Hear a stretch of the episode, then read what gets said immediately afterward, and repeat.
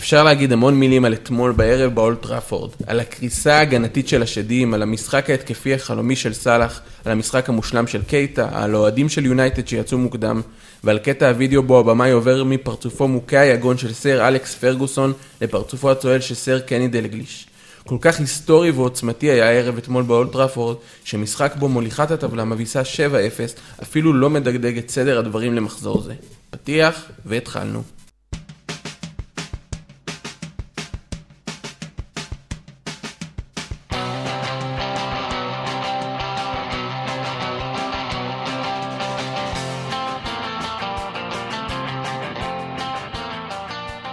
אהלן, ברוכים הבאים לפרק החמישי של פודקאסט האנליסטים פרמייר ליג. אני חמי עמיחי, ואנחנו כאן כדי לסכם את המחזור התשיעי בליגה האנגלית. ולפני שנגיד על מה אנחנו הולכים לדבר, בואו נציג את צוות האנליסטים הקבוע שלנו. השבוע, כמדי שבוע, שלחנו אותם לשלל משימות ברחבי הליגה, והנה הם כאן כדי לדווח. ליהק את נבי קייטה לפרסומת של Energizer במקום הארנב, זיו מלאכי. זה אני, זה אני. מפיק פרסומות כבר. עבד כל הסופ"ש על אינטליגנציה מלאכותית שתיכנס לראש של פפ עד שהאינטליגנציה הרימה ידיים, עידו ליאון. איזה בוקר. מרוצה, מבסוט. שיחד את שחקני מלמה כדי שיפצעו את ורנר ולוקאקו, מה שגרם לצ'לסי סוף סוף להבקיע. דורון אהרון? זה אני. טוב, זה לא אני. הכל לכאורה. זה לא, הכל לכאורה, לכאורה, לכאורה. וזה, זה, אנחנו רק מאחורי הקלעים. המעטפות שעברו מתחת לשולחן, אנחנו לא נדבר עליהן. לכאורה. טוב, אז לפני שנתחיל, נגיד שבחלק הראשון של הפרק אנחנו נדבר כמובן על המשחק בין יונייטד לליברפול, אחרי זה אה, נדבר על המשחק המרתק שהיה בין ברייטון לסיטי, ובסוף אנחנו ניגע בניצחון של ארסנל על וילה, נתכונן גם למשחק של ארסנל של התותחנים מול לסטר אה, בשבוע הבא, ובסוף כמובן נדבר על שאר משחקי המחזור, וכמובן אה, זהה את הנתון, החידון הרשמי של הפודקאסט שלנו. אה, אז בואו נתחיל. אה, משחק עונה אה, היסטורי, במונ- במונחים היסטוריים, אה, המון שיאים שנשברו, המון דברים שיש להגיד, אה, ליברפול אה, מביסה את יונייטד באולד טראפורד. אה, אני חושב ש... אה, כדאי לנו להתחיל מאיך, דיברנו על זה קצת ב pre-game, על איך הקבוצות אה, אה, יכולות להתכונן אחת לשנייה, וברור לחלוטין שליברפול באה מוכנה אה, ליונייטד, ושחקן המפתח בהכנה הזאת היה נבי קייטה. וברור גם שלכאורה יונייטד באה מוכנה לליברפול. כאילו, כן. עשתה כמה דברים שדיברנו עליהם ב pre-game, אני חושב שסולשר פשוט הקשיב, אבל לא עד הסוף להכנה שלנו. אה, אבל בסדר. קודם כל, גילוי נאות, אנחנו נצטרך להחזיק את עידו קצר פה ב- באייטם הזה. החיוך שיש לו על הפנים הוא לא, לא, לא, לא יורד, לא יורד. זה, זה דבר ראשון, אבל אבל בוא נתחיל רגע, אני חושב, אה, לדבר, אה, לדעתי, מה נתחיל, יונייטד או ליברפול? נתחיל אה, טיפה עם... אה, בוא מתחילים עם הטוב בוא או נתחיל עם? יונייטד, בוא נתחיל עם יונייטד, סבבה. של יונייטד עם יונייטד. אה, אובייקטיבי. אני חושב שיונייטד עשתה, אה, עוד שוב, חצי ממה שדיברנו עליו, אה, דיברנו המון האם פוגבה יהיה בקישור ומה יהיה הקישור האחורי, והאם ישחקו נמוך או לא, אז לכן הם עלו עם, עם קישור של מקטומנה ופרד, זה קישור הרבה יותר הגנתי. ממה שהם בדרך כלל עולים, שתמיד, בדרך כלל יש פוגבה בקישור, האמת לא בדרך כלל, אבל יש פוגבה בקישור, והקישור אחורי הקו של השני קשרים אחוריים, אה, שני קשרי אמצע יותר נכון, היה יותר הגנתי, פרד ומקטומיני. זה כאילו לכאורה היה אמור לתת מענה למשהו, לא נתן, ותכף נדבר על זה למה זה לא נתן. אה, ושאלנו את עצמנו גם אם הם יעמדו נמוך או גבוה. אה, האם הם יעמדו נמוך ומה שנקרא יחנו את האוטובוס, או שהם אה, ינסו לצאת ללחוץ קצת את ליברפול. אז אני חושב שהם הם יצאו ללחץ הרבה יותר פעמים ממה שראיתי אותם העונה. זאת אומרת, הם כן ניסו ללחוץ גבוה, כן. כולל רונלדו, כולל ברונו, אה, אולי העובדה שרשפורד פתאום היה אה, בהרכב, היא גם איזשהו סימן לזה שיש כוח טיפה יותר לוחץ מקדימה, אבל הם ניסו ללחוץ את יונייטד, אה, סליחה, את אה, ליברפול. אז זה שני דברים שאני חושב שהם עשו, וגם דיברנו עליהם בפרי גיים. אחד, קו של קישור אחורי, שוב, לכאורה יותר הגנתי, זה לא כל כך התלבש, ותכף נדבר על זה, ולחץ יותר גבוה. אני חושב שאפשר לדבר על זה עכשיו. אה, אני חושב שהקישור האחורי, הבעיה שלי בו, כשהקבוצה יוצאת ללחץ, הוא שהוא לא עוקב אחרי הלחץ, זאת אומרת, הוא לא, הוא לא ממשיך את זה והוא לא רץ גבוה. אה, ואז נוצר בור אה, מאחורי הקו הקדמי, זאת אומרת, אם רונלדו לוחץ וברונו לוחץ, אה, וגרינווד וראשפורד. נכון. אז... יש אה, פערים בין חוליית ההתקפה לבין חוליית הקישור. בדיוק, פרד ומקטומיני, שב- שבגלל שהאוריינטציה שלהם יותר אה, אחורה, הם נשארים טיפה יותר אחורה, ואז נוצר חור. אנדרסון היה בחור הזה כל הזמן לבד. כל הזמן לבד. כל הזמן. עכשיו, גם שיש להם אוריינטציה הגנתית, אבל גם כאילו, אתה יודע, זה... יש פה איזשהו בסיס של עקרון לחץ פשוט מאוד שהוא די לקוי. אנחנו נמשיך לדבר על זה. אה, ואם אתה מסתכל באמת על המשחק לחץ הנוראי של יונייטד, כי אין באמת דרך אחרת להגדיר את זה, כי זה היה ממש נראה לא טוב, אז אתה רואה הרבה פעמים שגם את העניין הזה של הקישור האחורי שהוא פשוט לא דוחף קדימה לה, כדי לצמצם את החללים. וגם אתה רואה הרבה פעמים, אם לצורך העניין לוחצים איזשהו בלם של ליברפול, לצורך העניין את אה, ונדייק או את קונטה, ומאלצים את המסירה למגן, אז השחקן שלוחץ אותו, הוא לא נשאר עליו, לא נשאר על הבלם. וזה זה בעצם הרעיון הקלאסי של הלחץ הקלאסי הזה, שהם משאירים את האופציה של המגן ולוחצים ברגע שהכדור מגיע למגן, סוגרים לו את כל האופציות, גם את האופציה חזור של הבלם, וכשכל השחקנים בעצם חונקים את השטח הזה של המגן, עושים את הלחץ הזה קרוב לקו חוץ, וגם השחקנים של יונייטד מגיבים הרבה הרבה אחרי שהשחקן כבר מקבל את הכדור. כאילו, הם לא שם כדי לתקוף אותו בזמן. כן, מאוד בולט היה במשחק באמת, שבמקום אה, לחכות כבר עם השחקן לפני שהוא מקבל את הכדור, יונייטד קצת הייתה ברדיפה. זאת אומרת, קשר ליברפול מקבל את הכדור, קשר יונייטד. יוצא אליו ישר אחרי. נכון. ואז יש לו בדיוק את השנייה וחצי שהוא צריך כדי להעביר את הכדור הלאה. נכון. וככה זה ממשיך. בשער הראשון זה היה הכי בולט, הקלות שבה ליברפול פשוט הניע את הכדור מאחורה. לגמרי. אה, קלות יתרה. אז אני שואל, אני שואל, למה ללחוץ גבוה? אם, כי סולשאר לא הקשיב. אוקיי, דיברנו על זה בפריגיים שהוא צריך לעמוד נמוך, דיברנו על זה. אם אנחנו עכשיו מתרגלים באימון טקטי ובתרגול טקטי, לחץ גבוה נגד ליברפול, אני לא רואה סנריו שזה קרה במהלך השבוע והוא ראה והוא אומר, אוקיי, זה נראה מצוין. כזה אני רוצה. כן, כזה, כזה אני רוצה. רוצה. כזה אני רוצה. אני לא רואה, כי באמת היה חסר לי עקרונות בסיסיים של לחץ גבוה, שאתה רואה בכל קבוצה שלוחצת גבוה. לא היה שם את המשפט הזה, good job lads. לא, כן, לא היה, לא. לא, לא היה. ו- בטוח לא היה. ואתה לא אומר לעצמך, אוקיי, יונייטד כבר לחצה גבוה טוב בעבר. היא לא, העונה הזאת, היא לא. מקום 12 בלחץ גבוה מבחינת יעילות של הלחץ. נכון. אפילו ניוקאסל יותר טובים. נכון, נכון, זה מה שאני אומר, הם לחצו יותר גבוה ממה שהם עשו כל העונה. דווקא כאילו מול ליברפול. אוקיי, זה מוזר. אה, שיחק לגמרי למה שליברפול ניסתה לעשות, אז בוא שנייה נעבור אולי להרכבים של, אה, להרכב של ליברפול. היה חילוף- היה חילוף מאוד משמעותי בעצם בהתקפה, ש... אה, היה כמה חילופים באמת במשחק, נתחיל שנייה מאחורה עם אה, אה. קונת... אה, אגב, אה, רק אה, כציון למאמנים, קלופ יותר הקשיב ב pre-game קלופ- שלנו. קלופ, יותר כן, הקשיב כן. ב pre-game שלנו. כן, לגמרי. אין ספק. אה, בן אדם שמקשיב גם. כן, סך הכל. אז קונאטה נכנס אה, על חשבון אה, מטיפ, שזה היה הפתעה גדולה, לא בגלל פציעה או משהו כזה, מטיפ ישב על הספסל. קונאטה, שנייה לפני שנעבור לחלק הקדמי, אולי שנייה נרחיב על, המשחק שלו. בסך הכל משחק מעולה, לא? כן. כן, קונאטה משחק לגמרי. טוב. אה, באמת, אז אני אישית חשבתי שהוא היה- הוא היה במשחק מעולה, באמת עמד נכון בסך הכל. אה, הדבר היחיד שלי היה בעיה איתו באופן אישי, בתחילת המשחק, 8-9 דקות ראשונות, אה, הוא יצא קדימה, כמו שליברפול עושה הרבה, שוונדייק נשאר קצת אחורה ומטיפ יוצא קדימה. אה, הבעיה הייתה ברגע שעברו את קונאטה. גם את מטיפ עוברים כשהוא יוצא קדימה והכל בסדר, יש את ההגנה מאחורה שמוכנה לחפות עליו. הבעיה הייתה שקונאטה לקח לו את השנייה וחצי יותר מאשר מטיפ להבין מה המיקום שאליו הוא צריך לחזור. ראינו את יונייטד מנצלים את זה אחרי, מה, שתי דקות בערך של משחק, עם המצב של ברונו שהוא הגיע אליו בהתחלה, שלא משנה איך מסתכלים על זה, אם ברונו מכניס את זה, יש מצב שאנחנו מדברים פה סיכום משחק כן. שונה לגמרי. לא חושב אה, שהיינו משחקים במשחק אחר. אני- היינו משחקים אני 5-1. מסכים, אני כן. מנסה. אני להיראות טיפה אובייקטיבי, אבל אני, אני מסכים, אבל אה, זה, זה כן אה, משנה את המשחק, ואת השערים האלה, בטח נגד קבוצות שאולי המשחק יהיה בהם יותר צמוד. אה, נראה את זה בטח באנפילד אה, בסיכום הבא, זה משנה מאוד הטעויות הקטנות האלה של בלם, שנותנות את ההזדמנות האחת הזאת. אני חושב שהמטרה, אגב, של ההכנסה שלו הייתה להתמודד טיפה עם היותר פיזיות של רונלדו. לדעתי, נכון, אז... אה, אבל- האמת שקונאטה זה- זאת נקודה, אבל אני חושב שהיא הפחות משמעותית. אה, נכון, אז שנייה רק אני אגיד את זה, קונאטה אה, סיים את המשחק עם תשע מתשע מאבקים הגנתיים, 100% באוויר, באמת באמת הסתדר מהבחינה הזאת אה, טוב, ובואו נעבור שנייה לחלק היותר מעניין שבו היה את השינויים. אני קצת שנייה מרחיב על קונאטה, כי אני אני לדעתי, לא הוא- אמנע ממך.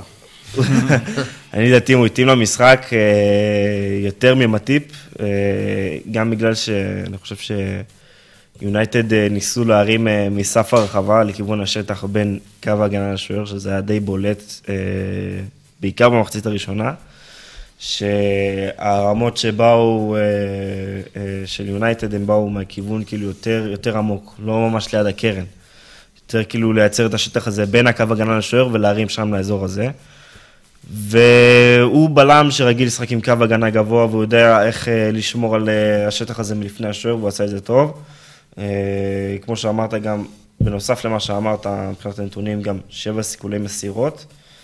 אמנם 92 אחוזים במסירות, שזה יחסית נמוך לבלם, אבל הוא קידם את המשחק כל כך לא, הרבה. לא, לא הייתי אומר יחסית נמוך, אה, זה כן, לא... כאילו, בוא זה נגיד לא- ש- זה לא נתון להתפעל ממנו, אבל אתה לא יכול להתלונן על אה, שחקן שמוסר 92 אחוז, בטח שקונאטה מסר המון המון מסירות לא מדויקות. זהו. אה, ארוכות, סליחה. זהו, בדיוק מה שאני רוצה להגיד, אתה כאילו אומר אמנם 92 אחוז, זה טיפ-טיפה יותר נמוך מהממוצע של בלם, אבל הוא קידם את המשחק כל כך הרבה, כל הזמן מסר קדימה, כל הזמן חיפש את המגינים או את הכנפיים, או אפילו מסירות עומק לפרמין שעושה תנועות עומק. אה, אפילו היה לו ניסיון למסירת מפתח אחת. בסך הכל משחק ממש טוב שלו. הוא גם מסתדר מאוד עם הקו הגבוה, סיים את המשחק עם חמש חטיפות כדור בחצי של מנצ'סטר יונייטד, שזה מעניין. אז אה, זיו, יש לך משהו להוסיף על קונאטה, או שאפשר לא, לעבור קדימה קצת נראה לי אה, כיסיתם את זה? ליהנות? כן. אז זהו, ככה. סיימנו עם המחויבות ההגנתית, של ליברפול, ועכשיו נדבר על מה שהם עשו בהתקפה. אז אה, נתחיל, תיאגו בחוץ, אה, היה אמור לחזור שבוע שעבר, מסתבר שזה נדחה וכרגע לא ברור מתי הוא יחזור. פביניו בחוץ, מכה קלה, אה, לא ידעו על זה וזה רק בהרכבים כולם הבינו. פתחו בקישור הנדרסון כקשר אחורי, וקייטה ומילנר. אה, מילנר גם הוחלף יחסית מהר. כן. אה, קרטיס ג'ונס החליף אותו, אבל אה, לא משנה, שניהם מבחינת התפקוד עשו דברים מאוד דומים, קרטיס ג'ונס ומילנר. אה, שנייה, נסיים עם השלישייה ההתקפית, אז אה, סאלח בימין כרגיל, פירמינו מקדימה, ודווקא ז'וטה בשמאל אה, על חשבון מאנה. אה, אז בואו שנייה נרחיב על, אה, על אולי הסיבות לשינויים האלה, מבחינתי לפחות, ומשהו שראיתי מאוד, פירמינו ידוע מאוד שהוא אוהב לרדת אחורה. אה, ובטח כשהוא משחק נגד משחק שבו קלופ רוצה קצת לנצל את הקישור האחורי של יונייטד שהוא טיפה יותר חלש, ובו פירמינו יכול לחגוג עליהם.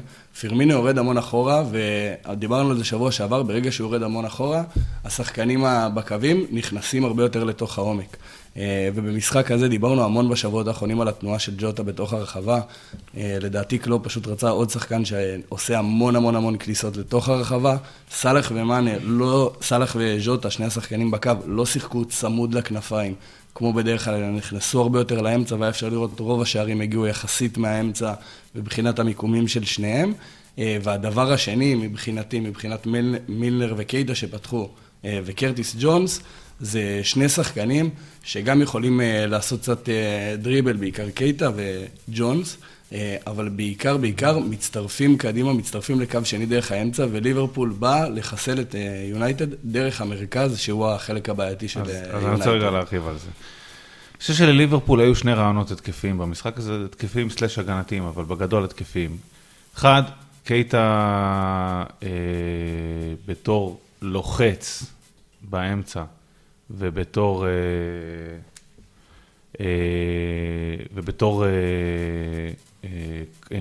שחקן קו שני שנכנס לרחבה, עבד בצורה מושלמת, לדעתי שלושת הגולים הראשונים, קייטה מעורב. הראשון, מן הסתם, כניסה מקו שני והוא מסיים את האסיסט הזה של סאלח, השני, השני רוברטסון מסירה, מגביה כדור, אה, הוא מגווייר נאבק ושו- מול שני הבלמים של יונייטד, חוטף, מוסר לטרנט, את השלישי הוא נוראית בישל ששניהם, לסאלח. כאילו, הוא חוטף לשניהם ומוסר לסאלח, והשלישי הוא נותן אה, קרוס מתוך הרחבה.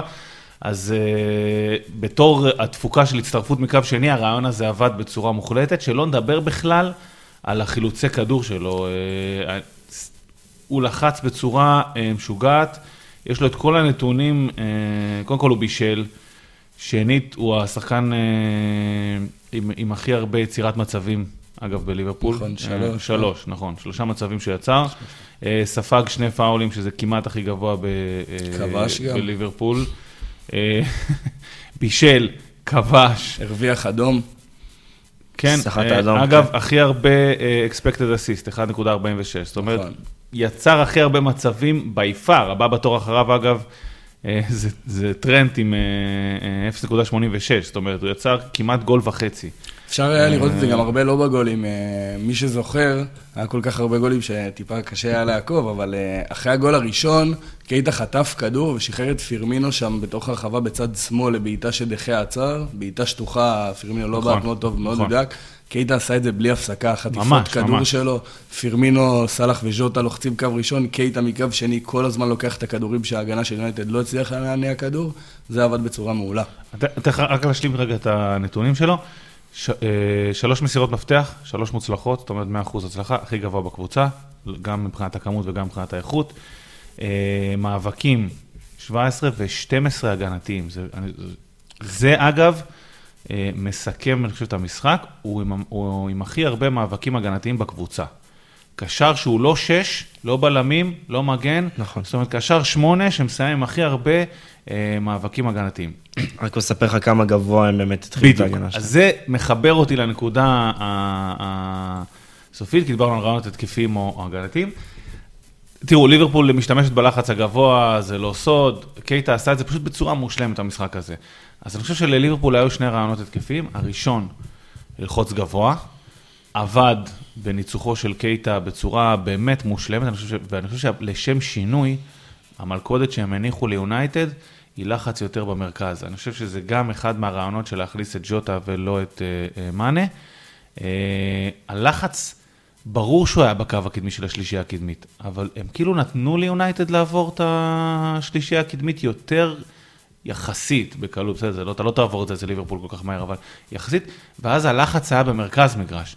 אנדרסון אה, וקייטה ומילנר נתנו את הלחץ במרכז מגרש. בדיוק הנקודה שדיברנו שהייתה חסרה אצל מנצ'סטר יונייטד, שבה הקשרים לא מצטרפים קדימה, וככה אתה יוצר את הפערים האלה.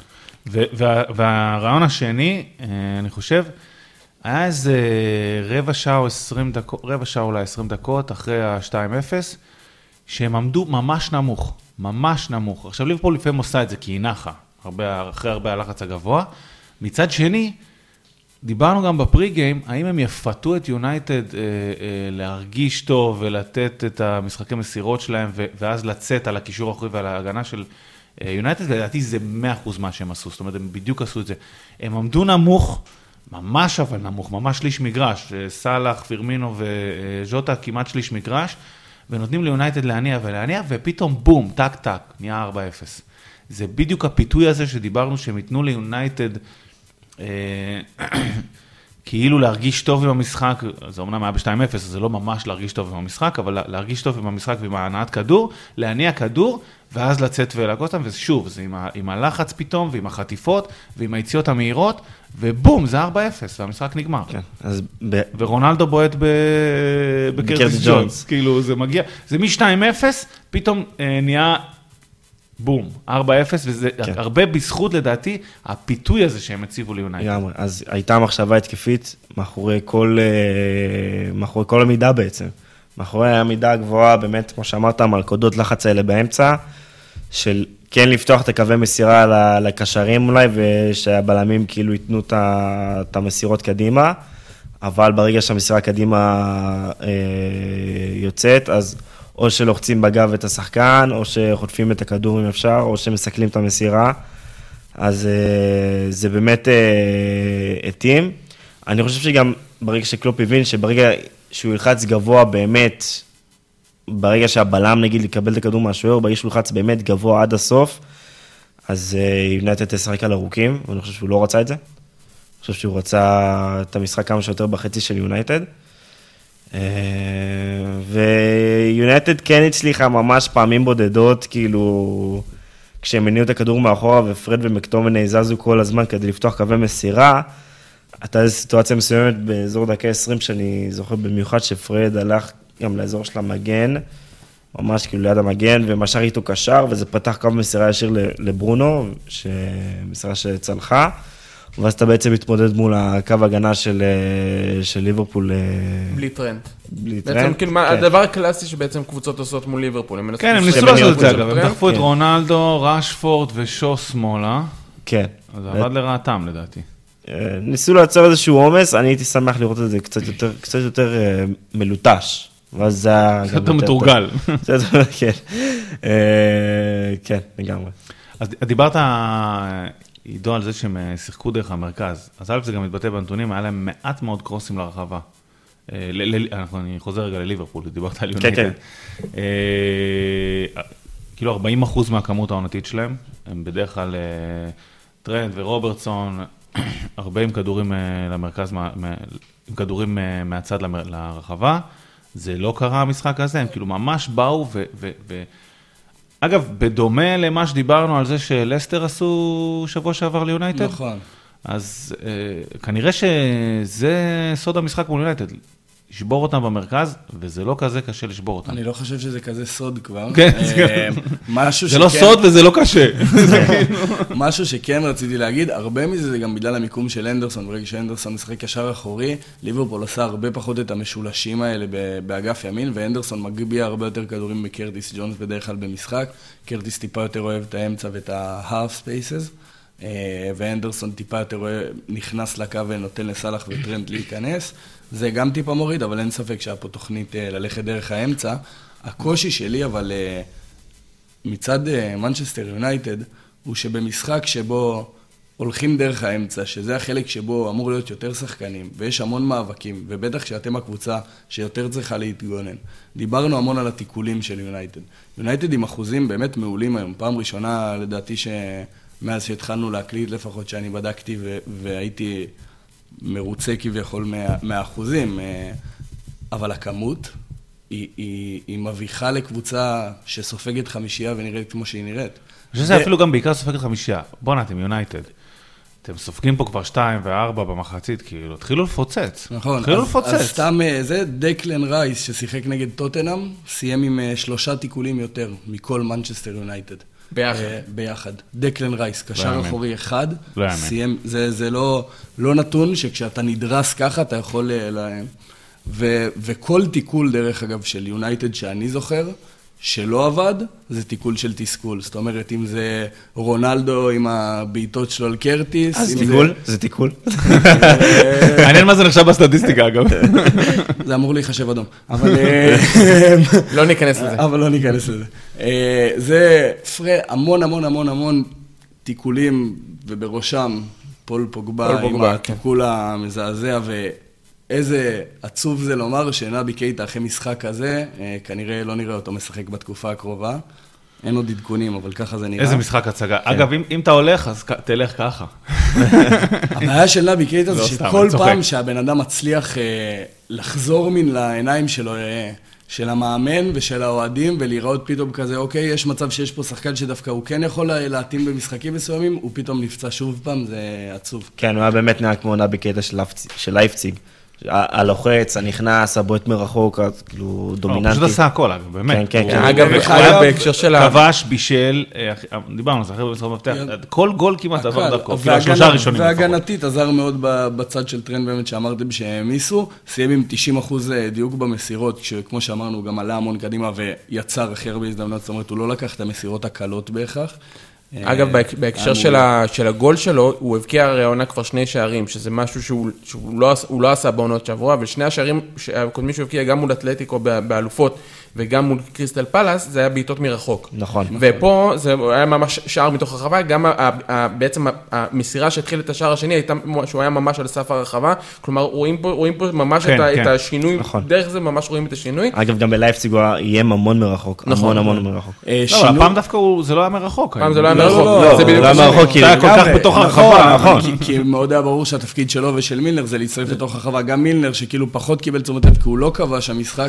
אם אתם זוכרים את השער השני של ז'וטה, נכון, אם ז'וטה לא מגיע. לכדור, אני, אני ראיתי שם את מילנר עם פרצוף נכון. של... איך הוא הספיק לפני כן, המניאק. לגמרי, לגמרי. אגב, מניאק השער... השוטה הזה.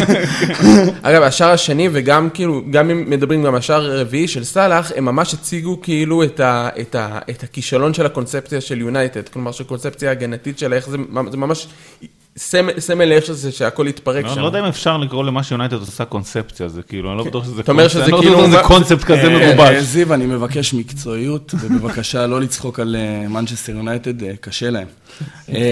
כן, השערים האלה באמת מראים את הכאוס בהגנה, אני חושב שכל מי שראה את המשחק, היה ברור לו ששחקן אחד עומד להינזף המון, וזה לוק שו, שאני לא יודע למה, אבל... הוא פשוט היה, התגעגע למגווייר, ופשוט כל התקפה של ליברפול החליט, אני הולך לאיפה שמגווייר עומד ואנחנו נגן יחדיו. ובכל שער של ליברפול, בכל שער של ליברפול במחצית הראשונה, פשוט כל צד ימין של... היה אה, לגמרי. של התקפת ליברפול ברחבה, פתוח לגמרי. גם טרנט עם הבישול בשני, כולם.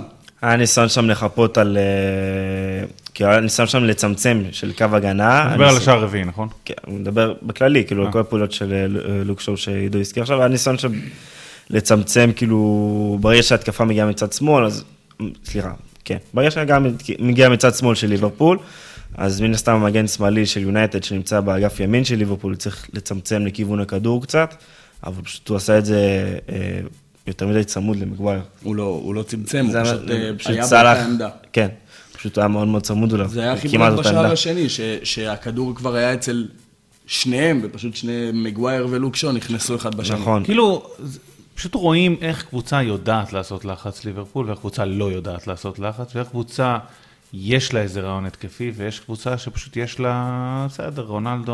אה, יש לה כישרון התקפי. יש לה כישרון התקפי. בסדר, גם בליברפול אה, יש כן. כישרון התקפי, אתה לא יכול להגיד שכאילו אין- אין כישרון התקפי. אבל לא, לא, זה לא- זה לא- לא ההבדל ביניהם, אבל ההבדל ביניהם זה שחוץ מכישרון התקפי, יש גם איזה- מחשבה קדימה. וגם יש התכוננות ספציפית למשחק הזה, כאילו, כן, איך, כן. איך... אה, זה אגב זה מזכיר לי, כאילו, אני ראיתי השבוע ראיון של, של ראלף רנגניק, ה sporting director של לייפציג ושל זלצבורג, וזה ממש כאילו מתקשר למה שראינו ביונייטד ליברפול, זה כאילו, זה, זה ממש כאילו אנטיתזה כאילו למה שהוא אמר, הוא אמר, כאילו אפילו בלי המשקפיים שלי, אני יכול לראות איזה כדורגל סימאונה משחק, איזה כדורגל קלופ משחק ואיזה כדורגל טוחל משחק, פשוט צריך בראש להבין איזה כדורגל אתה רוצה לשחק ולשים את זה על המגרש, איזה מסרים אתה רוצה שיואהבו באמצעות הכדורגל. וזה פשוט, אתה רואה אצל ליברפול מסרים מאוד ברורים של לחץ גבוה, של אינטנסיביות, של התקפות מעבר, של ישירות, ואצל יונייטד, אולי תגידו לי אתם, איזה כדורגל יונייטד משחקת? לא ברור, אבל אם אני אה, מחפש משהו שליברפול לא עושה טוב, אגב, זה נייחים. נכון. אה, הגנתיים. כל הכ- הגנתיים, כן, סליחה, נכון. העמידה ההגנתית שלה בנייחים. אנחנו דיברנו על זה לדעתי, דיברנו זה. שבועות... אה, לא ואמרת שקלופ מקשיב לפוד, ולא יודע. את זה הוא לא סידר, כן. את זה הוא לא סידר. זה האמת, מאכזב. נכון. הוא מקשיב באחד וחצי, אז הוא לא... אה, אוקיי. אז הוא- אז הוא לא לא לא, גם כשאנחנו בדרך מגיעים לנייחים זה בסוף, אז נראה לי אנחנו קצת כן, חופרים. כאילו הוא מקבל את הקומפלימנטים בהתחלה ואחר כך בורח. אה, אני חושב שלליברפול יש בעיה בנייחים ההגנתיים,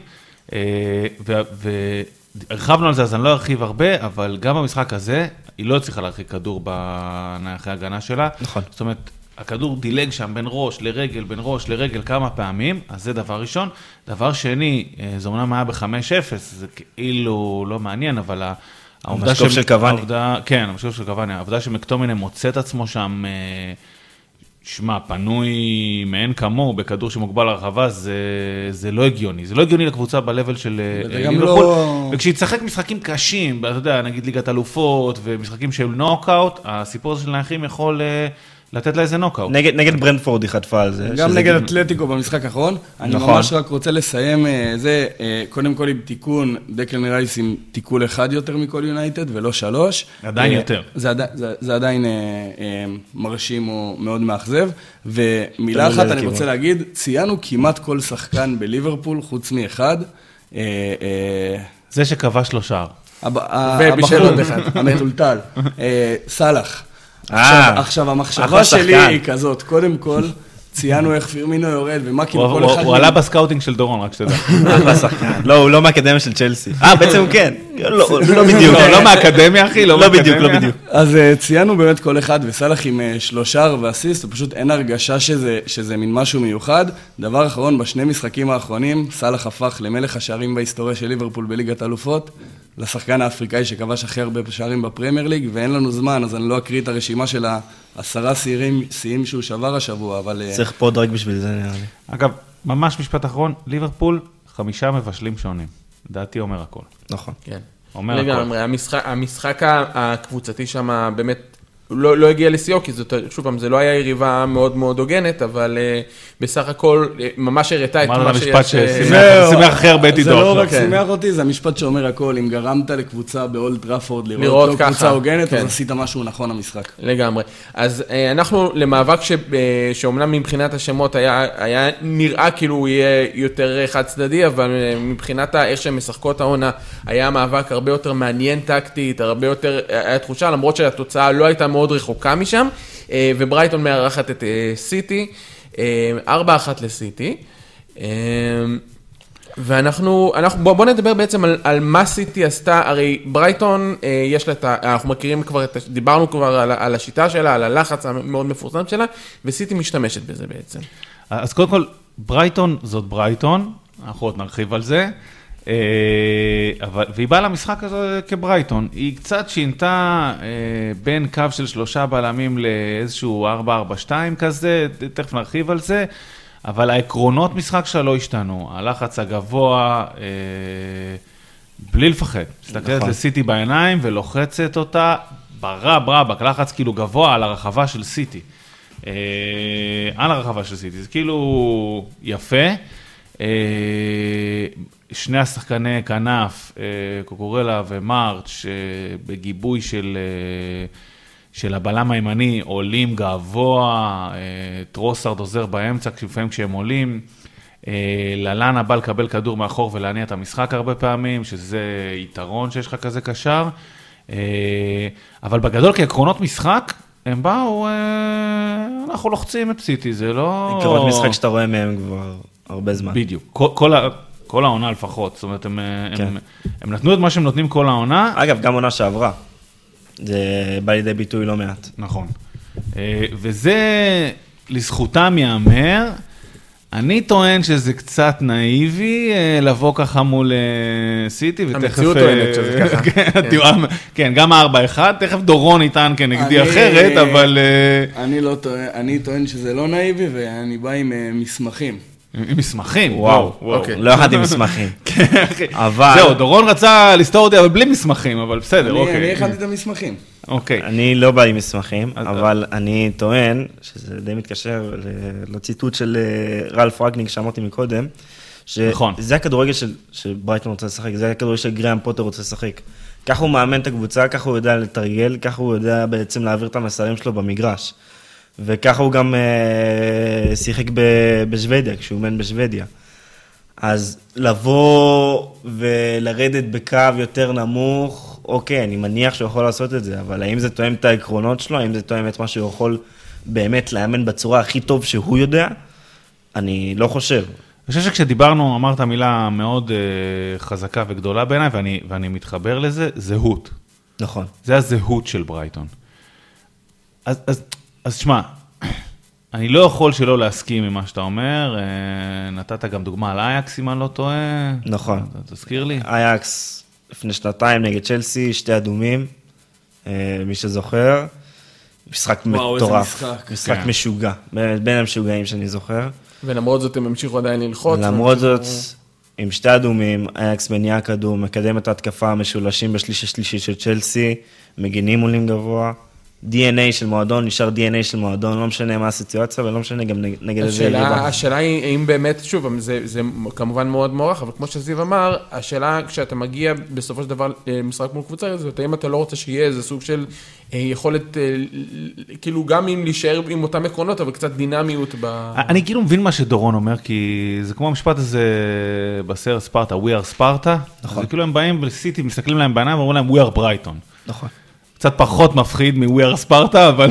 או יותר, תלוי. הסתכלת פעם על טרוסארד, הוא לא... כן, כן, אבל אני יכול מאוד להתחבר למה שאתה אומר לגבי הזהות של המועדון, ושככה גם יוצרים זהות, וחייב לומר את האמת, אה, ש... לא, לא, לא יודע אם שמתם לב לזה, אבל אה, הסתכלתי, כאילו הקשבתי גם לקהל של ברייטון תוך כדי ולזה, והם כאילו דחפו את, הקבוצה בטירוף גם ב-3-0, 3-1, אה, ויכול להיות שזה מה שיוצר חלק מכל החיבור הזה והזהות הזאת, וזה שכאילו נכון. אנחנו נבוא וגם מול סיטי נלחץ. נכון. עובדתית, זה לא לא עבד, עבד, נכון. זה לא עבד, ו- ו- ודיברנו על מאמנים שעושים הכנות, אז נראה לי שאתה יודע, אולי השני הכי טוב אחרי קלופ, או אולי הראשון, אי אפשר, אני לא, כבר לא, לא יכול לדרג בין שניהם, הוא, הוא פפ. נכון. וסיטי לא שיחקה את הכדורגל הסטנדרטי שלה, סיטי משחקת כדורגל של הנעת כדור בדרך כלל, דברים זזים מצד לצד, בסבלנות, עד שאתה תמצא את החור, ועד שפה, ועד ששם, ואתה מייאש את הקבוצה היריבה. הייתה הכנה מושלמת של פפ ל... לברייטון. ידע שהם יבואו אותם, לזכותו כנראה ידע שגם אה, משהו על זהות של מועדון ועל, אה, כן, לגמרי. ועל זה ש... ש... שברייטון תעשה את זה. והוא חיכה לזה. הם שיחקו כדורגל, טיפ... אני לא רוצה להגיד נסוג, אבל טיפה יותר אה, ממתין מאחורה. אה, הרבה פחות אה, נתונים של מסירות לצורך העניין, אה, ירדו ב-15% מה... מהממוצע העונתי היו הרבה שלהם. יותר ישירים. ב... וחיכו מאחורה, וכל פעם שברייטון התנפצה כאילו על המזח הזה של ההגנה של סיטי, הייתה יציאה מהירה דרך ברנרדו סילבה, שבמשחק אדיר, אין כאילו מה, מה לדבר, אדיר. המשיך את עונה העונה אדירה. האדירה שלו. ממש. לגמרי. אה, והוא היה כאילו המוח שמוציא את ההתקפות האלה קדימה, או בדריבל, או שהוא מקבל כדור ארוך מאנדרסון או מאחד מה- מהשחקנים בהגנה, דרך המהירות של פודן וגריליש, אגב פודן תופקד כחלוץ פה, לדעתי זה שוב, זאת אותה מחשבה, אה, לבוא מאחורה ולנצל את המהירות, וזה לדעתי, אה, הסתכלתי על, על האיומים לשער של סיטי, העשרה איומים הראשונים הם ככה, זאת אומרת, ברייטון מאבדת כדור, אה, ואו כדור ארוך מהיר מאוד קדימה, או ברנרדו סילבה, או פודן יוצאים עם כאילו מהירות ודריבל, וזה מגיע למצב, והגולים הראשונים, הגול הראשון של סיטי אגב היה יחסית גול טיפה יותר מסודר, התקפה זזה מצד לצד, ואז אה, כדור למרכז הרחבה, אבל חוץ מזה, אה, אה, הכל נע סביב היציאה למעט- להתקפות מעבר. נכון, אז שזה לא כאילו- אפיון קלאסי של אה, אה, סיטי. נכון. רק עוד משפט על זה אה, מבחינת יעילות, מבחינת בעיטות למסגרת, היא כאילו ב-70% יותר יעילות מה- מה- מהממוצע העונתי שלה, זאת אומרת, היא הייתה הרבה יותר יעילה קלינית וחדה. אה, מבחינת אה, אה, בילדאפים, התקפות בבילדאפ, היא עשתה משהו כמו 90% מהממוצע העונתי שלה, זאת אומרת, עשתה פחות אה, התקפות מסודרות. אה, בילדאפים שמסתיימים ב- ב- ב- בעיט- בעיטה לשער, אה, 75 אחוז, זאת אומרת, הנושא של התקפות מסודרות היה אצלה פחות אה, אה, משמעותי, היא החזיקה פחות בכדור מהממוצע העונתי שלה. ניסתה להגיע מהר מאוד 50 אחוז, לשער. 54 אחוז, שזה יחסית נמוך לה. אה, אה, סשן של החזקה בכדור מאוד נמוך מהממוצע העונתי, אה, כניסות לרחבה, כניסות לשליש האחרון של היריב, נמוך מאוד משמעותית בנתונים. קיצור, כל הנתונים תומכים בזה. שמע, אתה אומר גם נמוכים משמעותית, נמוכים משמעותית, אז אפשר להגיד גם שתוכנית משחק של ברייטון די עבדה. אם אתה אומר שסיטי הייתה אני, אני פחות לא, טובה. אני חושב שאם יחסית. סיטי הייתה מנסה אני להניע לא כדור, הייתה מניעה. אני לא מסכים על זה, כי הקלות שבה סיטי הגיעה להזדמנויות ברגע שהיא חשפה את הכדור הייתה מטורפת. עכשיו דיברנו באמת על הלחץ שברייטון עשתה, אבל הייתה עוד נקודה מרכזית שברייטון עשתה בעיקר במחצית השנייה, ונדבר על איך זה השתנה במחצית השנייה, אבל ברייטון הניע כדור באופן אה, שמאוד מזכיר אה, קבוצה שמשחקת בשלושה בלמים, כמו שהיא הייתה רגילה, רק שהיא לא שיחקה. אה, זאת אומרת, דנק שיחק באמצע, ברן, הבלם השני, שיחק ב- מצד שמאל בהנעת כדור, וולטמן שיחק בימין, המגן הימני. אה, קוקוריאה עלה מאוד מאוד גבוה, ממש שיחק כשחקן כקיצוני, כנף, אה, בכנף שמאל, והם הניעו המון כדורים, הם היו מאוד מרווחים גם מבחינת שלישיית הבלמים, אה, שלישיית המנהיגי כדור, ולטמן ושני הבלמים, ומה שזה יצר זה חורים מטורפים, וברגע שסיטי חטפה את הכדור, הקלות שבה היא הגיעה למצבים היא מטורפת. בעצם, ברגע שאתה חוטף כדור באמצע במצב הזה, מיד נהיה לך יתרון מספרי על בלם אחד באמצע, ושני המגנים האחרים צריכים לצמצם לאמצע, ובשנייה סיטי הגיעה להזדמנויות. זה מבחינתי אולי מה שברייטון הייתה צריכה טיפה להיזהר ממנו, וראינו גם את ברייטון לא רק שהיא משחקת ככה, אלא היא מתעקשת על להתמסר, כמו שאני לא ראיתי קבוצה שמשחקת נגד אחורה, סיטי. מדהים. עושה אף פעם. עכשיו, כל שחקן שם נראה שש רמות ממה שאני זוכר אותו בעונה הקודמת, מבחינת הנעת הכדור, מבחינת ממש, הזה. ממש. הם מאוד מאוד מדויקים, מאוד מאוד טובים, ביטחון מטורף, אני חושב שהנתון שאומר את זה באופן הכי מטורף, זה, זה שוער, אה, שוער של, אה, ברייטון? של ברייטון, מרטינז. השם של הקבוצה. מרטינז.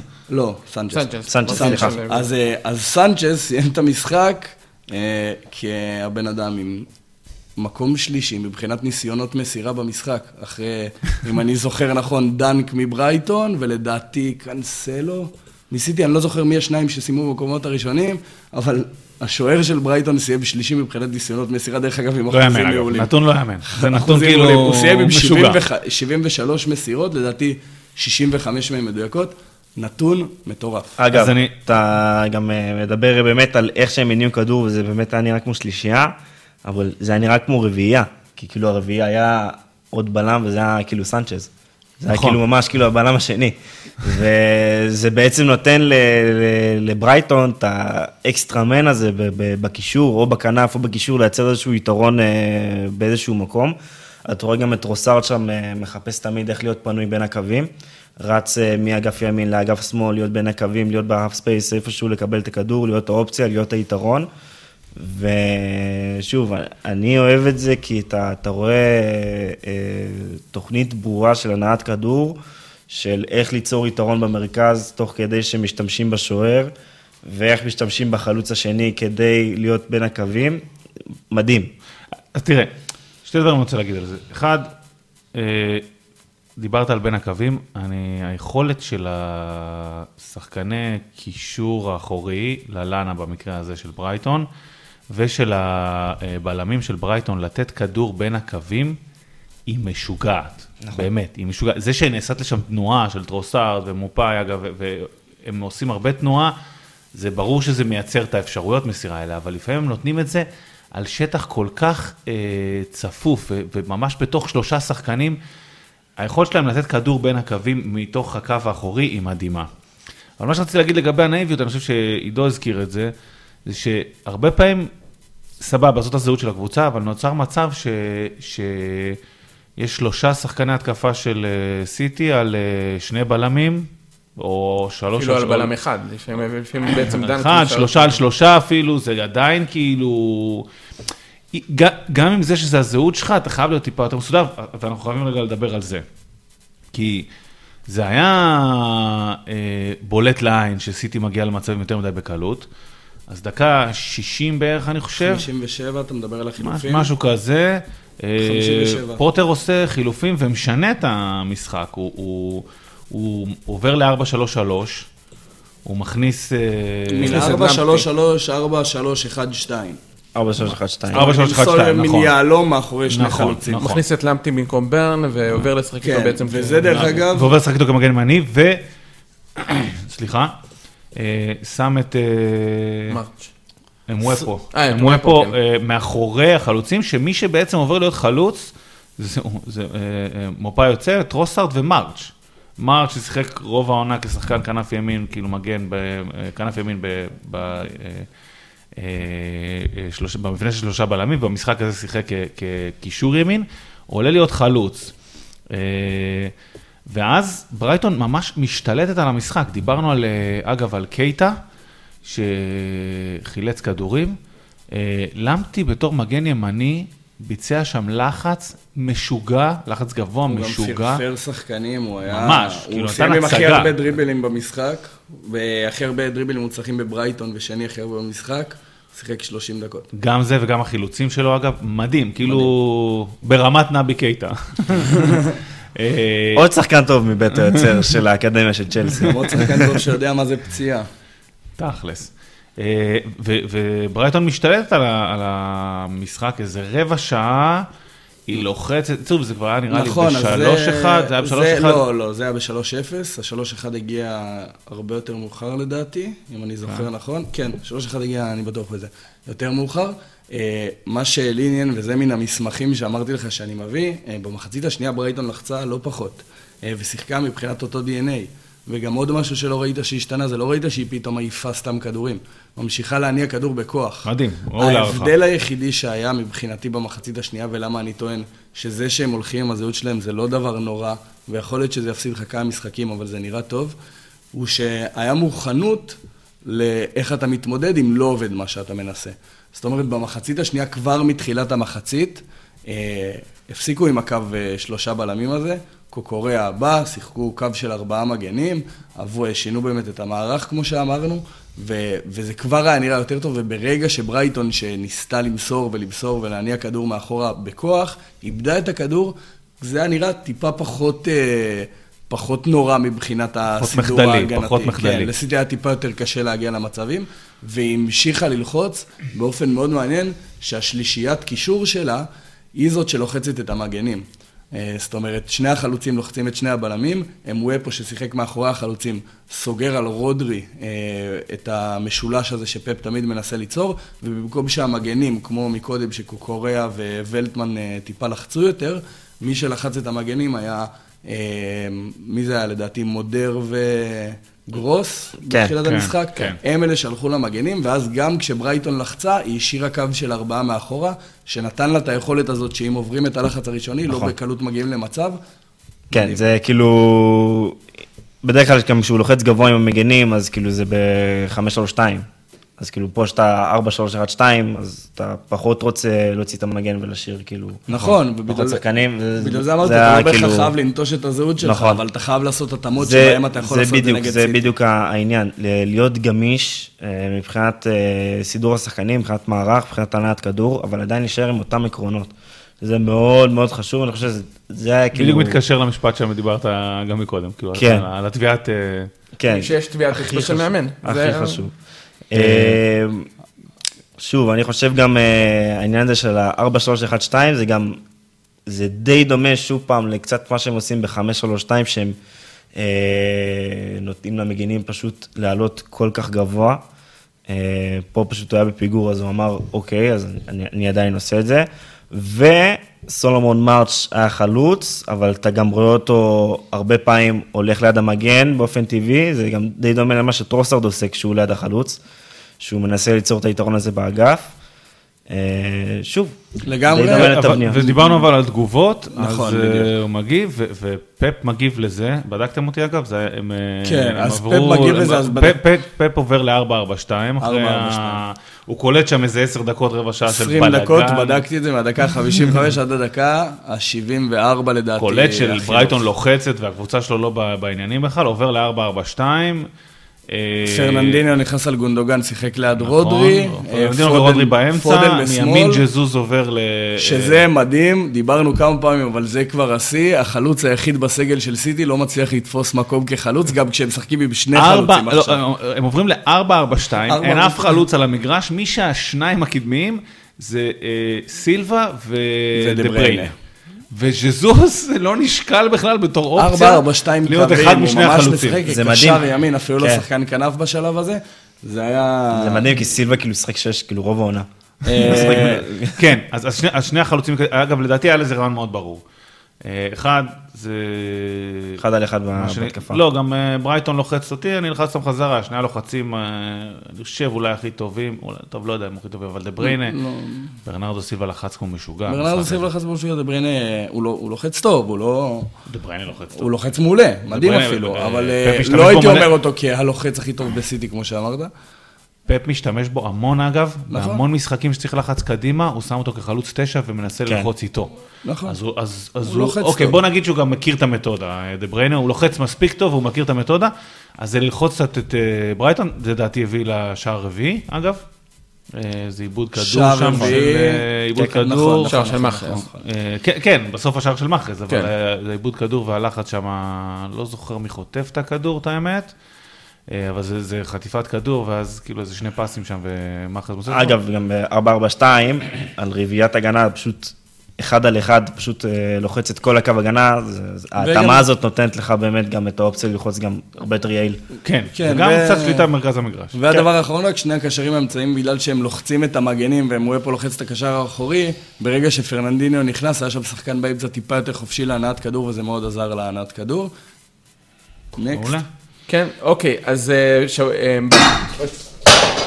סליחה, היה פה איזו תקלה. אה, במשחק הבא, סיטי תשחק בעצם מול פאלאס, אנחנו בעצם מדברים עכשיו, בעקבות ה... גם- בעקבות ההפסד של יונייטד, בעצם נוצר לנו כרגע משולש בצמרת, אז על צ'לסי אנחנו לא נדבר היום, למרות הניצחון המאוד משכנע שלהם, כי איי, ניצחון איי, על- על נוריץ' הוא בעיקר ניצחון לפרוטוקול. אם אמרת סיטי פאלאס, במשחק הבא גם ברייטון ליברפול, שזה יהיה מעניין לראות אם ברייטון תבוא באותה גישה, או נכון. שהיא תלמד מהנאיביות של זיו. אה, זה לדעתי מה שמעניין, אם היא תבוא מול ליברפול, באותו דבר דיברנו על ליברפול כן, והלחץ כי שלה. ליברפול זה כבר לקחת את זה למדרגה הבאה של אם אתה לוחץ אותם עד הסוף והם לוחצים, זה כאילו בדיוק אה, לפתוח את המשחק כמו שליברפול הכי רוצה שיעשו. יהיה מעניין לראות... אה, אגב, נגד. ליברפול, אני חושב, אם אם המטרה פה הייתה באופן ברור, המטרה של ברייטון נגד סיטי היה לשתק את המשחק שלה דרך המרכז, שהיית רואה ממש שתי שחקנים צמודים לשתי קשרים אחוריים של, אה, של סיטי תמיד. אז ברייטון נגד ליברפול, אני חושב שהם יחזרו לקו של שלוש בלמים, שתי מגנים שעולים מאוד גבוה, כדי לנסות לשתק את המשחק אגפים של, של ליברפול. כן, מעניין. באמת מעניין. אנחנו נעבור עשינו הלאה. פריגיים גם לזה. עשינו כן, פרי- פריגיים בקטנה. נעבור הלאה לארסנל, אה, ארסנל מול וילה, אנחנו נדבר על זה בקטנה גם בהקשר של, אה, של המשחק של ארסנל, המשחק מאוד מעניין של ארסנל בשבוע הבא מול לסטר. אה, ארסנל פתחה את העונה כמו ארסנל, כלומר, קבוצה שכביכול יש לה כישרון מסוים, כביכול יש לה פוטנציאל מסוים, אבל מאכזבת. ולאט לאט במשחקים האחרונים אנחנו פתאום רואים שארסנל אה, קצת מתגבשת, קצת משחקת יותר טוב, אה, קצת נתפסת יותר טוב. אה, והיה לנו שם תחושה שקורה שם משהו, אה, יש לנו תחושה שקורה שם משהו ש, שבאמת, כמו שאמרנו, לאט לאט מתגבש, בעיקר בקישור ה... כאילו זה, זה מתחיל מהקישור האחורי, פתאום רואים את אובמיאנג שכתוצאה מזה חוזר, חוזר לאט לאט לעצמו. אה, ומעניין לראות באמת אה, גם אה, מול וילה, שתמיד הדיבור היה בעונות האחרונות, שווילה בעצם הולכת לתפוס את המקום של ארסנל, כאילו מבחינת הצמרת הגבוהה, מבחינת הזה. ווילה שפתחה את העונה בסדר יחסית, במחזורים האחרונים נראית הרבה פחות טוב, נראית הרבה פחות טוב משמעותית. אה, ובעצם, אז בואו נתחיל לדבר בעצם על ארסנל, בכלל אנחנו נדבר באופן אה, גדול גם על, על המשחק הזה וגם לקראת המשחק הבא. אה, ובואו נתחיל אולי ממה שנעשה טוב בקישור האחורי של ארסנל. אני חושב שקודם כל ארסנל, מה שהיא עשתה אה, הכי טוב, זה היא עלתה למשחק נחושה. היא באה לפוצץ, היא באה... כמו אה, שלא ראינו אותה עוד העונה. לדעתי לא ראיתי אותה עונה ככה בכלל. אה, מאוד אגרסיביים, מאוד אינטנסיביים, גם בלחץ, גם בעצם בכל פרמטר. כן, גם במאבקים, גם בעימותים, כאילו הכל אה, היה זה. אני חושב אגב שגם ככה הם אה, הוציאו את וילה מהמשחק. זאת אומרת, אה, על ההתחלה הייתה שם את הסיטואציה הזאת של אה, צהוב לווטקינס. לווטקינס, כאילו קצת הכניס את ארסנל לאיזה drive. פאולים, מבחינת פאולים הם 80% מעל מה שהם עשו כל העונה. זאת אומרת, הם באו ממש לשחק אגרסיבי ולפוצץ, זה דבר ראשון. דבר שני, הקישור האחורי שלהם מתייצב מאוד. כן, אז בפתיחת העונה אמרת שהם פתחו את העונה בצורה לא טובה, זה understatement עצום, אין תירוץ לאיך שהם פתחו, אבל הם באמת פתחו את העונה עם הרכבים חסרים, ודיברנו על זה, נכון. לדעתי בפרק הראשון שהוצאנו, על איך אה, מתחיל להתגבש, ואם ארסנל טיפה לעבוד על ה, תעבוד על התיאום, בעיקר בהגנה ובקישור, זה יכול להיראות יותר טוב, אז באמת, אה, הקישור אה, חוזר, תומאס פרטי, כבר כמה משחקים משחק, נראה הרבה יותר טוב. ממש. לא, לא קונגה לידו, קישור אגרסיבי מאוד, כמו שאמרת, זה היה מאוד מאוד בולט במשחק, אבל זה לא היה רק הם. אה, גם סמית רו, כולם, כולם באו להילחם באמת במשחק הזה, שזה היה נראה הרבה יותר טוב. אה, והרבה יותר הצליחו לעצור את אסטון וילה, שמשחקת גם עם ווטקינס וגם עם אינגס. אה, תומאס פרטי ולוקונגה היו הכלי לעצור אותם. אז, אז קודם כל, היו מאוד יעילים מבחינת ה... מה שהם עשו, הם, הם, הם ניסו ללחוץ קדימה ולדחוף uh, מהקישור. אה, לוקונגה ופרטי עם לחץ מאוד מאוד טוב. פרטי לדעתי בכלל עם משחק מצוין. אה, נכון. הרבה אה, חילוצי כדור, הרבה איומים לשער, הוא הצטרף המון מקו, הוא ולוקונגה אגב הצטרפו בטירוף מקו שני. נכון. אה, אבל ולוקונגה- מה שהם עשו יפה ברוב המשחק זה הם ידעו שאם אחד עולה אז השני לא נכון, יכול להישאר. נכון, נכון. אחריות הגנתית, דיברנו... רז דיפנס של אה, קישור, כמו שצריך, כמו בספר. אה, אז א', הם ייצרו המון מהקו האחורי. דיבר, זה, זה כאילו קו שמלווה אותנו עכשיו מליברפול, שפתאום יש קישור שיודע מה הוא עושה, אה, ו... ולוקונגה ופרטי לגמרי ידעו מה הם עושים. פרטי איים המון על השער מחוץ לרחבה, ו... וגם כבש. וגם כבש.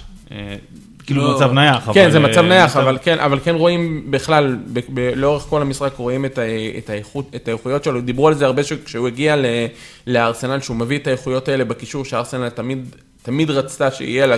נכון, אבל דווקא זה האיכויות שלא דיברו עליהם כשאתה מדבר על פרטי. דיברת בדיוק על מה שאני דיברתי לפני זה, אה, היכולת שלהם לעצור את החלוצים, לעזור להגנה, טיפה לעזור לנהל קצת את. כל הסדר הזה ב- במשחק ההגנה של ארסנל. פחות מדברים על פרטי כשחקן שעולה למעלה, נותן לך את השער מהנגיחה, מוסיף לך את נכון. הבעיטה מרחוק. פחות, הוא עשה את זה באופן מאוד מאוד יפה היום. זה היה... וגם לא קונגה, מעולה. אגב, עשה את זה באופן מצוין, ב-level של... אה, אה, בדריבל אבל. הוא עשה את זה שונה מפרטי, הוא, נכון. הוא חילץ מלא כדורים ויצא איתם בדריבל קדימה. אגב, נכון. פרטי, באתלטיקו, הוא עשה- הוא היה מקדם את ההתקפות מעבר של אתלטיקו גם באמצעות דריבל. שפה יש לך שתי קשרים אחוריים, שאני חושב שזה באמת הייתה המטרה של ארטטה, ששתי קשרים אחוריים שהם אמנם די דומים בסגנון, אבל יש להם קצת מכל דבר. יודעים לעשות לחץ, יודעים, די שלמים במשחק שלהם, אז נכון, אין פרמטר במשחק שהם עושים top חמש בליגה, אין להם פרמטר כזה, אבל הם כן יודעים לעשות המון דברים מבחינת מכלול של שחקן קישור. אני חושב שמכלול, אגב, זו מילה טובה. אני חושב שאגב, שניהם כשחקנים מאוד מגוונים ויש להם מכלול אה, אה, מאוד טוב, וביחד, ביחד, הם יוצרים מכלול של קישור אחורי ממש טוב. נכון. זה קישור שיודע ללחוץ, יודע להגן טוב, יודע להצטרף להתקפה, יודע לעשות דריבל קדימה. יודע להניע כדור. יודע להניע כדור, זה פית, כשאתה מדבר, מכלול זה מילה מצוינת לדעתי לקישור האחורי של ארסנל. אה, מי האמין שנדבר ככה על ארסנל, אבל, אבל זה ממש קו קישור מרכז טוב. באמת, הוא יודע לעשות הרבה דברים.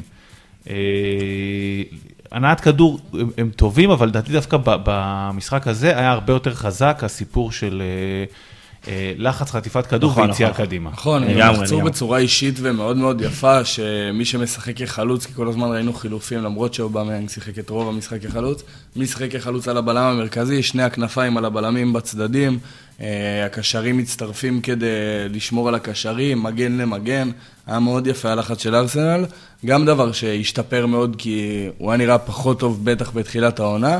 לאט לאט מתחיל להיבנות באמת אה, ארסנל עם אה, ריצה די טובה, אני חייב להגיד. ריצה. מעולה, אה, לדעתי שתי תיקואים וארבעה ניצחונות בשישה כן, שתי תיקואים וארבע ניצחונות, למעשה, וחמישה ניצחונות. שני תיקואים. שני תיקואים וחמישה ניצחונות. בכלל, לא רק בליגה. אה, בעצם ההפסד האחרון זה היה- לסיטי, ומאז...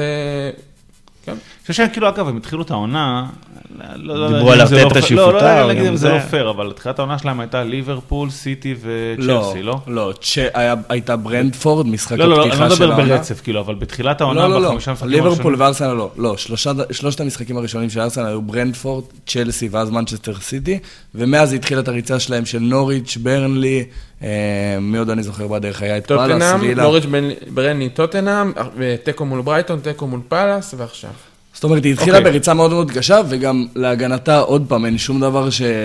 שיכול אה, להוציא אותם אה, בסדר מבחינת הפתיחת העונה הזאת, אבל הגנתם לא היה את פרטי, לא היה את טומיאסו, אודגרד לדעתי עוד לא היה. היה כזה, אובמיאנג היה ממש- פצוע. ממש בצ'לסי לדעתי לקזט היה פצוע, באמת, בן ווייט, כולם באמת אה, בארסנל, היה קצת בלאגן, נראה הרבה יותר טוב. אז בואו נדבר רגע על... שזה על גם מתקשר גם למה שאמרנו מקודם על זהות, שהוא... בתכלס, אתה לא רואה דברים שהשתנו בשיטת משחק מתחילת עונה עד עכשיו. עדיין מניעים כדור, עדיין לוחצים גבוה, נכון שהם עושים את זה הרבה יותר יעיל, הרבה יותר טוב, אבל ברגע שאתה מתעקש על שיטה מסוימת, על עקרונות מסוימים במשחק, מתישהו אתה תצליח להעביר את המסר הזה לשחקנים והם יראו את זה למגרש. כאילו השדרוג הוא יותר פרסונלי. אז כן. גם בזה, הם, משחקים כל הזמן 4, 2, 3, 1, גם עכשיו המשחק, גם, גם המשחק הזה, סליחה, אותו דבר בדיוק, אה, ו, אבל, אבל עם שינוי פרסונלי אחד, בעמדה שמאחורי החלוץ, החלוץ, סליחה, אה, ההפך מחרוץ אני חושב דווקא היה, נכון. עמד אה, לקזט. וזה בדיוק מה שרציתי לומר, הוא כאילו הזכיר לי איזה מספר 10 כזה של פעם, לא זז הרבה, יודע לתת הרבה דאבלים, יודע להניע את הכדור יחד עם שחקן איתו ולעשות אה, כל כן. מיני שילובי מסירות, אבל מבחינת, אה, וידע גם ללחוץ חלק מהזמן, אבל מבחינת תראה, בלחץ אה, היה ניידות, לו- לקזט היה כן. מאוד לא נייד, מאוד. הוא היה מאוד לא אודגרד. שאודגרד, לא אתה יודע, כשהוא משחק בעמדה הזאת. הוא עשר הכי מודרני ודינמי שיש, מבחינת לחץ, יודע ללחוץ הרבה יותר אינטנסיבי ודינמי, וגם יודע ללחוץ אה, אזורי. מבחינת לחץ לכזאת, היה לו ג'וב אחד, בקשר האחורי. שזה... ללחוץ את הקשר האחורי של כן. אה, וילה. שארטטה אמר, אמר, אמר לו, לא, מסב, לא מסבכים אותך היום, קח את הקשר האחורי, עשה לי טובה שלא יפתחו את המשחק קדימה. ובגלל זה הוא בעצם בחר בו על אודגור, בעצם. אה, אפשר גם להגיד את זה. לא, גם אודגר אה, לוחץ טוב. הוא לוחץ כאילו, מצוין, כן, אודגרד. היה אה, צריך מנוחה אודגרד, אני לא יכול. להיות. ההבדל בד- בהתקפה ביניהם, שאודגרד הרבה יותר טוב בלמצוא את השטחים האלה בין הקווים ולהיות דינמי ובאמת לפתוח את הקווי מסירה האלה. אה, כן, אז אה, ארסנל היו הרבה יותר יעילים אה, במשחק הזה מבחינת הלחץ. עבד להם ממש טוב, 60% הצלחה במשחק מבחינת יעילות הלחץ שלה. הממוצע שלה העונתי זה 50%, זה 10% יותר, שזה כבר מתקרב לממוצעים של צ'לסי, ליברפול, כאילו, מתקרב לקבוצות שהן ממש top מבחינת הלחץ. אה, לגמרי. דבר אחד שכן קרה, ואולי זה גם יעביר אותנו לחלק הבא, אה, במחצית אה, אסטון וילה עשתה שינוי ש, שחובה לציין, היא עברה לשחק ארבע בהגנה. אה, דיברנו על זה הרבה בזה דיברנו על זה שהיא משחקת מאוד עם שלושה בלמים ומאוד... אה, לא, להפך, שהיא דיברנו, כאילו התחילה עם... דיברנו על זה ב, ב, לפני פרק או שניים, כן. אה, לדעתי במחזור פרי-גיים, על זה שיש לה ולוולפס את היכולת לשנות. שבוע אחר כך דיברנו על לסטר שעשתה את זה, בגלל זה זה גם יוביל אותי אחר כך לפרי-גיים. אבל היא שינתה את המערך לארבעה בהגנה, וארסנל הרבה יותר התקשתה במחצית הראשונה ללחוץ. היא עדיין הייתה טובה יותר, בעיקר בגלל שיש לה יותר איכות, והיא נראתה שהיא באה להילחם, ובסך הכל עשתה עבודה טובה גם במחצית השנייה. אבל מהמחצית הראשונה, שאסטון וילה לא הגיעה לשום איום, למחצית השנייה שהנתונים כבר היו יותר שווים, השינוי הזה כן הקשה מאוד על אה, ארסנל, ואלא אם יש לכם עוד מה להוסיף על המשחק הזה, זה מוביל אותי למשחק הבא נגד לסטר, כן. שלהזכירכם, בשני מחזורים האחרונים שיחקה עם שלושה בלמים בהגנה. נכון. אמ, ויכולה לשחק עם ארבע, כמו שראינו אותה עושה עד השני מחזורים האחרונים. מעניין מאוד לראות, אחרי שאני משער שרוג'רס ראה את המשחק הזה, איך הוא ילך. אני משער שהוא ידבוק בשלושה בלמים, אה, וינסה לעשות מה שלסטר עושה, מנסה ללחוץ דרך המרכז, מה שהיא עשתה ליונייטד בעצם.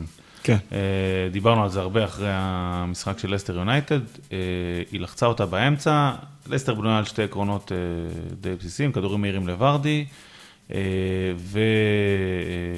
ולחץ במרכז כדי לבצע חטיפות ולהעביר אותם, ל- לתרגם אותם בעצם למצבים או לבעיטות. אה, פה, however, דיברנו על זה הרבה, על הקישור עכשיו של, של ארסנל.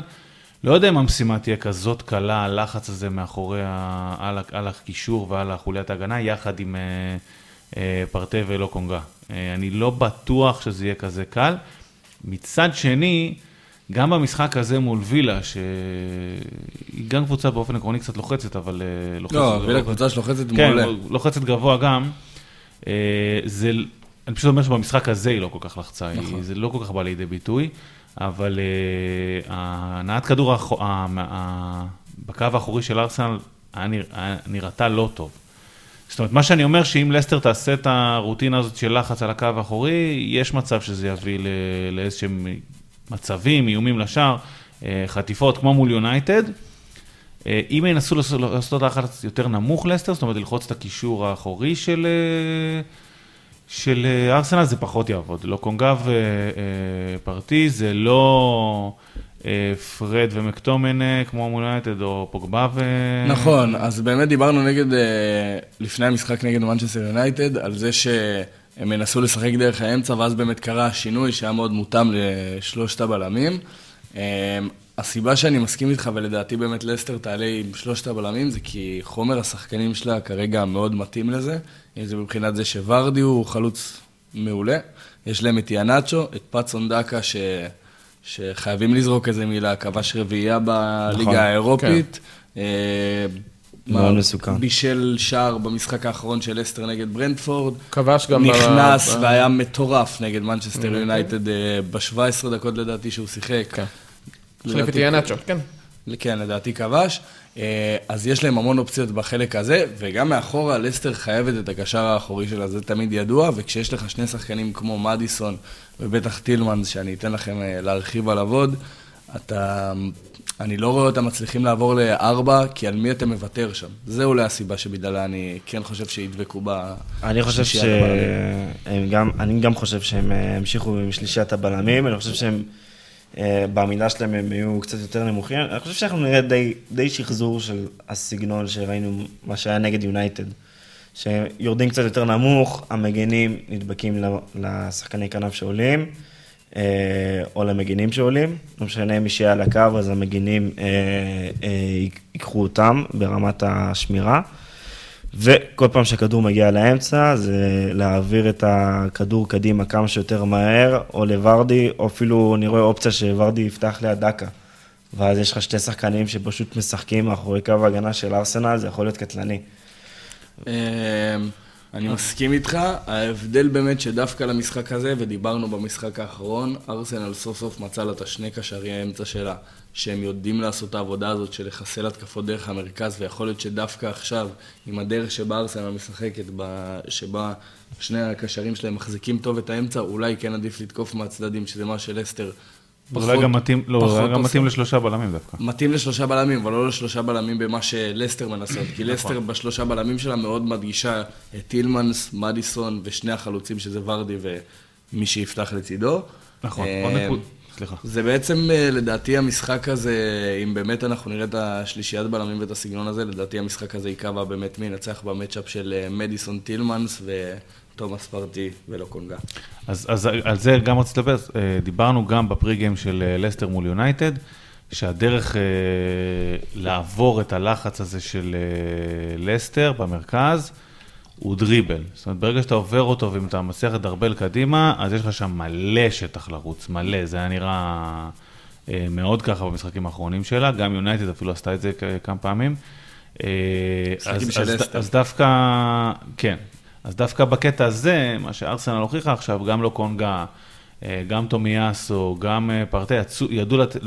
שלא נדבר על סמית רו, אה, יודעים לצאת בדריבל קדימה. אה, זה יכול להיות דווקא נקודת מפתח, ש... שכן תייצר מצבים ל... לארסנל, זאת אומרת, אם אתה מנסה לשבור את הלחץ של אה, לסטר בדריבל, יש לך שם את השטחים, ולארסנל יש את המכדררים הטובים. נכון, לכן אני רואה באמת את המצ'אפ, כמו שאמרתי, המצ'אפ לדעתי יהיה בקישור במשחק הזה, ומי שיצליח אה, מבחינת הצמד קישור הזה לנצח את המאבק נגד הצמד קישור של היריבה, לדעתי יהיה לו פה יתרון מטורף במשחק הזה. אני שמתי לב גם במשחק של ארסנל נגד וילה, שזה מתקשר גם לעניין שלושת, שלושת הבלמים של, אה, של אה, לסטר. אז אם לסטר אה, באמת אה, יהיו עם שלושה בלמים ויניעו את הכדור וארסנל יעמדו קצת יותר נמוך, אני שמתי לב שנגד וילה הם השאירו שתי שחקנים. אה, ברסט אופנס נקרא לזה, כאילו מוכנים להתקפת מעבר, על, על מרכז ההגנה, מוכנים לקבל את הכדור להתקפת מעבר. זה אומר שכשארסנל מגינים יותר נמוך, אז זה נראה כמו 4-4-2. נראה כמו 4-4-2. נכון, נכון. זה מה שמאלץ את הרביעיית קישור בעצם להיות צפופים, אה, ובמשחק הזה, ברגע, כל פעם שהם, שהכנפיים בעיקר אה, חטפו את הכדור במרכז, אז אתה רואה אה, את המגינים מצטרפים להתקפה באמצעות עקיפה, כדי ממש לתת רוחב להתקפת מעבר. טוורז עשה את זה מעולה. לדעתי פעם ראשונה שהוא פתח עונה והוא היה פשוט פנטסטי. כן. נונו טווארז, המגן השמאלי של ארסנל. כן. כן, אה, הגיע מבנפיקה, גילוי נאות, גם אצלי במנג'ר, שחקן נהדר. גילוי נאות, אני סוכן גם שלו. כושר גופני פנטסטי, אה, ראו את זה גם אה, במשחק, הוא פשוט מומחה בלעשות את העקיפות האלה בהתקפות מעבר. אה, וזה מחזיר אותי גם, אה, כמו שאמרתי, למשחק נגד לסטר, אם אתה עושה את זה ב-442 נגד לסטר, ואתה חוטף את הכדור במרכז, אחד הכנפיים, והמגן עושה את העקיפה, זה אומר שהמגנים של לסטר מאוד גבוהים. אז אתה יכול למצוא את עצמך במצב ממש טוב בהתקפת מעבר. מעולה. מעולה. טוב, אז זה, אה, עד כאן אה, ההכנה, גם הסיכום שלנו על ארסנל וילה, גם ההכנה אה, לפרי גיים ללסטר ארסנל במחזור הבא.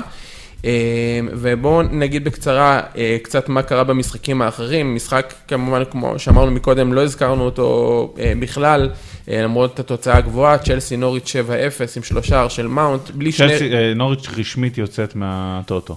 אני, כן, אני, אני, חושב ש, אני חושב שכאילו, שוב פעם, אם זה היה קבוצה אחרת, היה לנו עוד מה לדבר וזה, אבל נוריץ' היא לא מציגה הגנה, לא הגנה או בכלל אה, ברמה של, ה, של הפרמייר ליג, והיא קצת, היא, בעונה שעברה היא הייתה מאוד מאוד גדולה על הצ'מפיונשיפ, עכשיו היא מאוד מאוד קטנה על הפרמייר ליג, כלומר, היא נקלעה שם, נתקעה שם כאילו באמצע, אה, בלי שני חלוצים, גם בלי ורנר ולוקאקו אה, עם שלושה של מאונט. הייתי גם מגיב, אבל כאוהד ליברפול אני מחכה למשחק הבא, תן לי את זה. כן.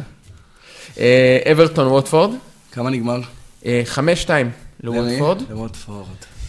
האמת, דיברנו גם רפה על, אה, בניטז, למה עזבת? האמת, כמה משחקים ש... שלא דיברנו עליהם, זה גם צ'לסי וגם ווטפורד שדיברנו עליה ב... כן, על, על, שני, על, שני, על שתי הקבוצות האלה כמובן גם דיברנו גם במשחק, ב pre game, גם דיברנו ב- במחזורים שעברו. אה, ווטפורד של רניירי סוף סוף אה, אה, אה, מתחילה לצאת מזה של השער של קינג, של ג'ושוע קינג אה, הנורבגי, אה, שאמור לקבל עכשיו, אגב, בנבחרת נורבגיה יותר קרדיט אחרי שהולנד נפצע. אה, גם באמת דיברנו על זה בפרקים הקודמים, על איך רניירי לא עיצב בדיוק, אבל קצת עיצב, אז עכשיו הוא כבר חזר. כן, עכשיו זה כבר בא הרבה יותר עכשיו ביטוי. ממש ממש שינה מרגישים קצת אותו, את כן. ההרכב, קינג שיחק ממש כחלוץ, סאר מאחוריו, נכון. נחמד לצפייה. אז ותיקו בין לידס לוולפס במשחק ש... אה, של שתי קבוצות שדי מאכזבות העונה, סאוטהמפטון וברנלי בתיקו תחתית 2-2, ברנטפורד אה, אה, לסטר במשחק מאוד מעניין, לסטר מנצחת 2-1 בעצם.